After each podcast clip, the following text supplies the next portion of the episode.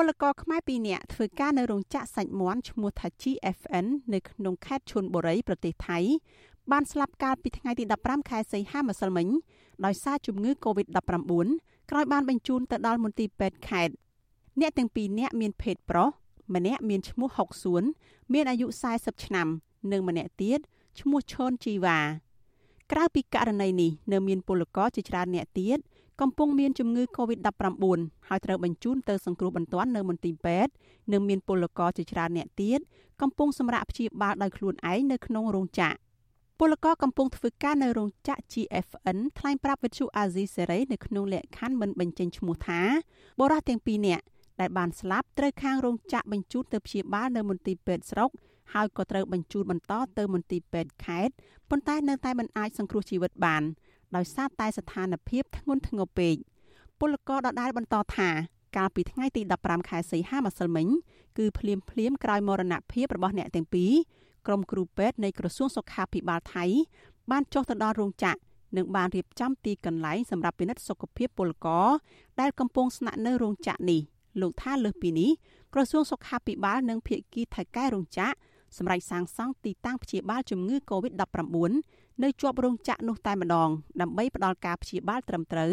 ទៅដល់អ្នកដែលបានឆ្លងជំងឺ Covid-19 មុនដំបូងក្រុមហ៊ុនហាក់ដូចជាអឺ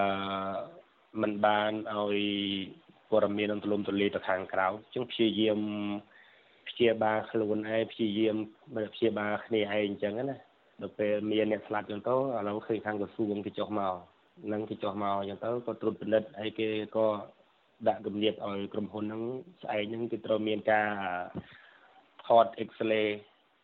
សួតពលករទាំងអស់ហើយនឹងធ្វើមន្ទីរពេទ្យដើម្បីបំបែកអ្នកជំងឺចែកជាតាមប្រភេទចឹងណាភេទបាទអញ្ចឹងដល់យើងចាំមើលតិចទៀតសិនបាទកន្លងមកយើងដូចជាយើងមិនសូវកក់ក្ដៅប៉ុន្មានដែរដោយសារយើងពេទ្យគ្នាឯងហើយម្យ៉ាងទៀតទៅតាមមន្ទីរពេទ្យខេត្តមន្ទីរពេទ្យស្រុកហ្នឹងឥឡូវហ្នឹងយើងដឹងស្រាប់ហើយប្រជាជនសូម្បីតែប្រជាជនគេហ្នឹងក៏ទប់បញ្ជាប់ផង វិទ្យុអាស៊ីសេរីព្យាយាមតាក់ទងទូរស័ព្ទទៅក្រុមគ្រួសារសពរបស់ពលករទាំងពីរនាក់ដើម្បីសាកសួរព័ត៌មានបន្ថែមពីស្ថានភាពរបស់ពួកគាត់និងការទុកដាក់សពអ្នកទាំងពីរប៉ុន្តែ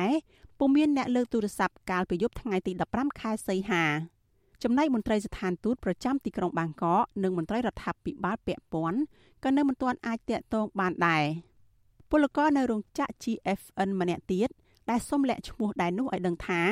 នៅមានពលករជាច្រើនអ្នកទៀតកំពុងស្ថិតនៅកន្លែងសង្គ្រោះបន្ទាន់នៅមន្ទីរពេទ្យនិងមានអ្នកដួលសន្លប់ដោយពុំមានមូលហេតុជាច្រើនអ្នកផងដែរ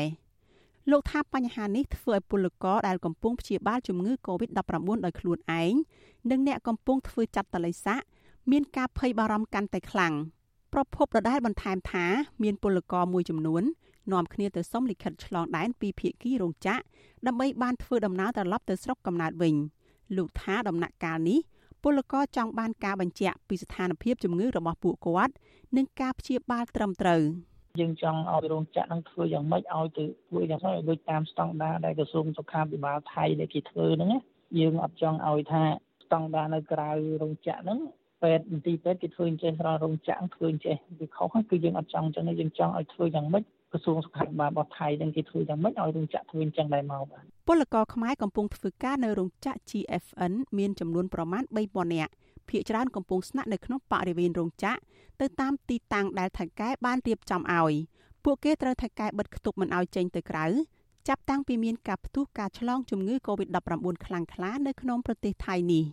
មន្ត្រីផ្នែកការពារសិទ្ធិពលករចំណាក់ស្រុកនៃអង្គការសង្ត្រាល់ប្រចាំនៅប្រទេសថៃលោកលឹងសុផុន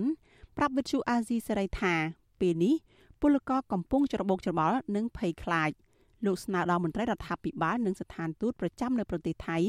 ឲ្យយកចិត្តទុកដាក់ដល់ពួកគេដើម្បីបានការថែទាំសុខភាពត្រឹមត្រូវស្ថានទូតនឹងគួរគួរតែមានវិធានការ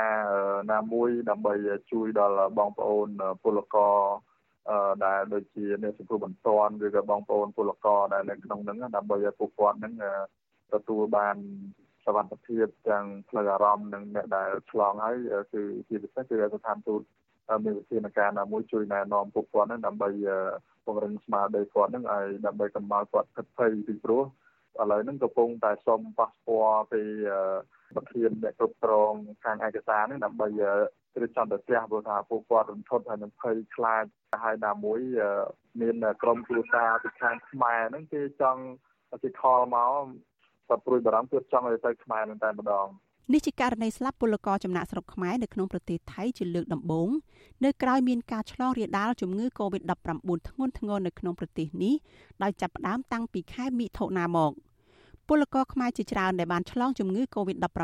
ត្អូញត្អែពីការលំបាកដោយខ្វះខាតអាហារហូបចុកនិងការព្យាបាលជំងឺនេះដោយខ្លួនឯងនៅតាមទីកន្លែងការងាររបស់ពួកគេដូចជានៅតាមរោងចក្រ និងនៅតាមការដ្ឋានសំណង់ជាដើម ជាទីដែលពួកគេត្រូវបិទគប់មិនឲ្យចាក់ចេញទៅណាបាន ពួកគេភ័យច្រើនពុំទទួលបានការព្យាបាលត្រឹមត្រូវនិងពុំទទួលបានជំនួយណាមួយពីស្ថានទូតខ្មែរឡើយក្រៅពីនេះមានពលករជាច្រើនពាន់នាក់សម្រុកចេញពីប្រទេសថៃទៅស្រុកកំណើតវិញ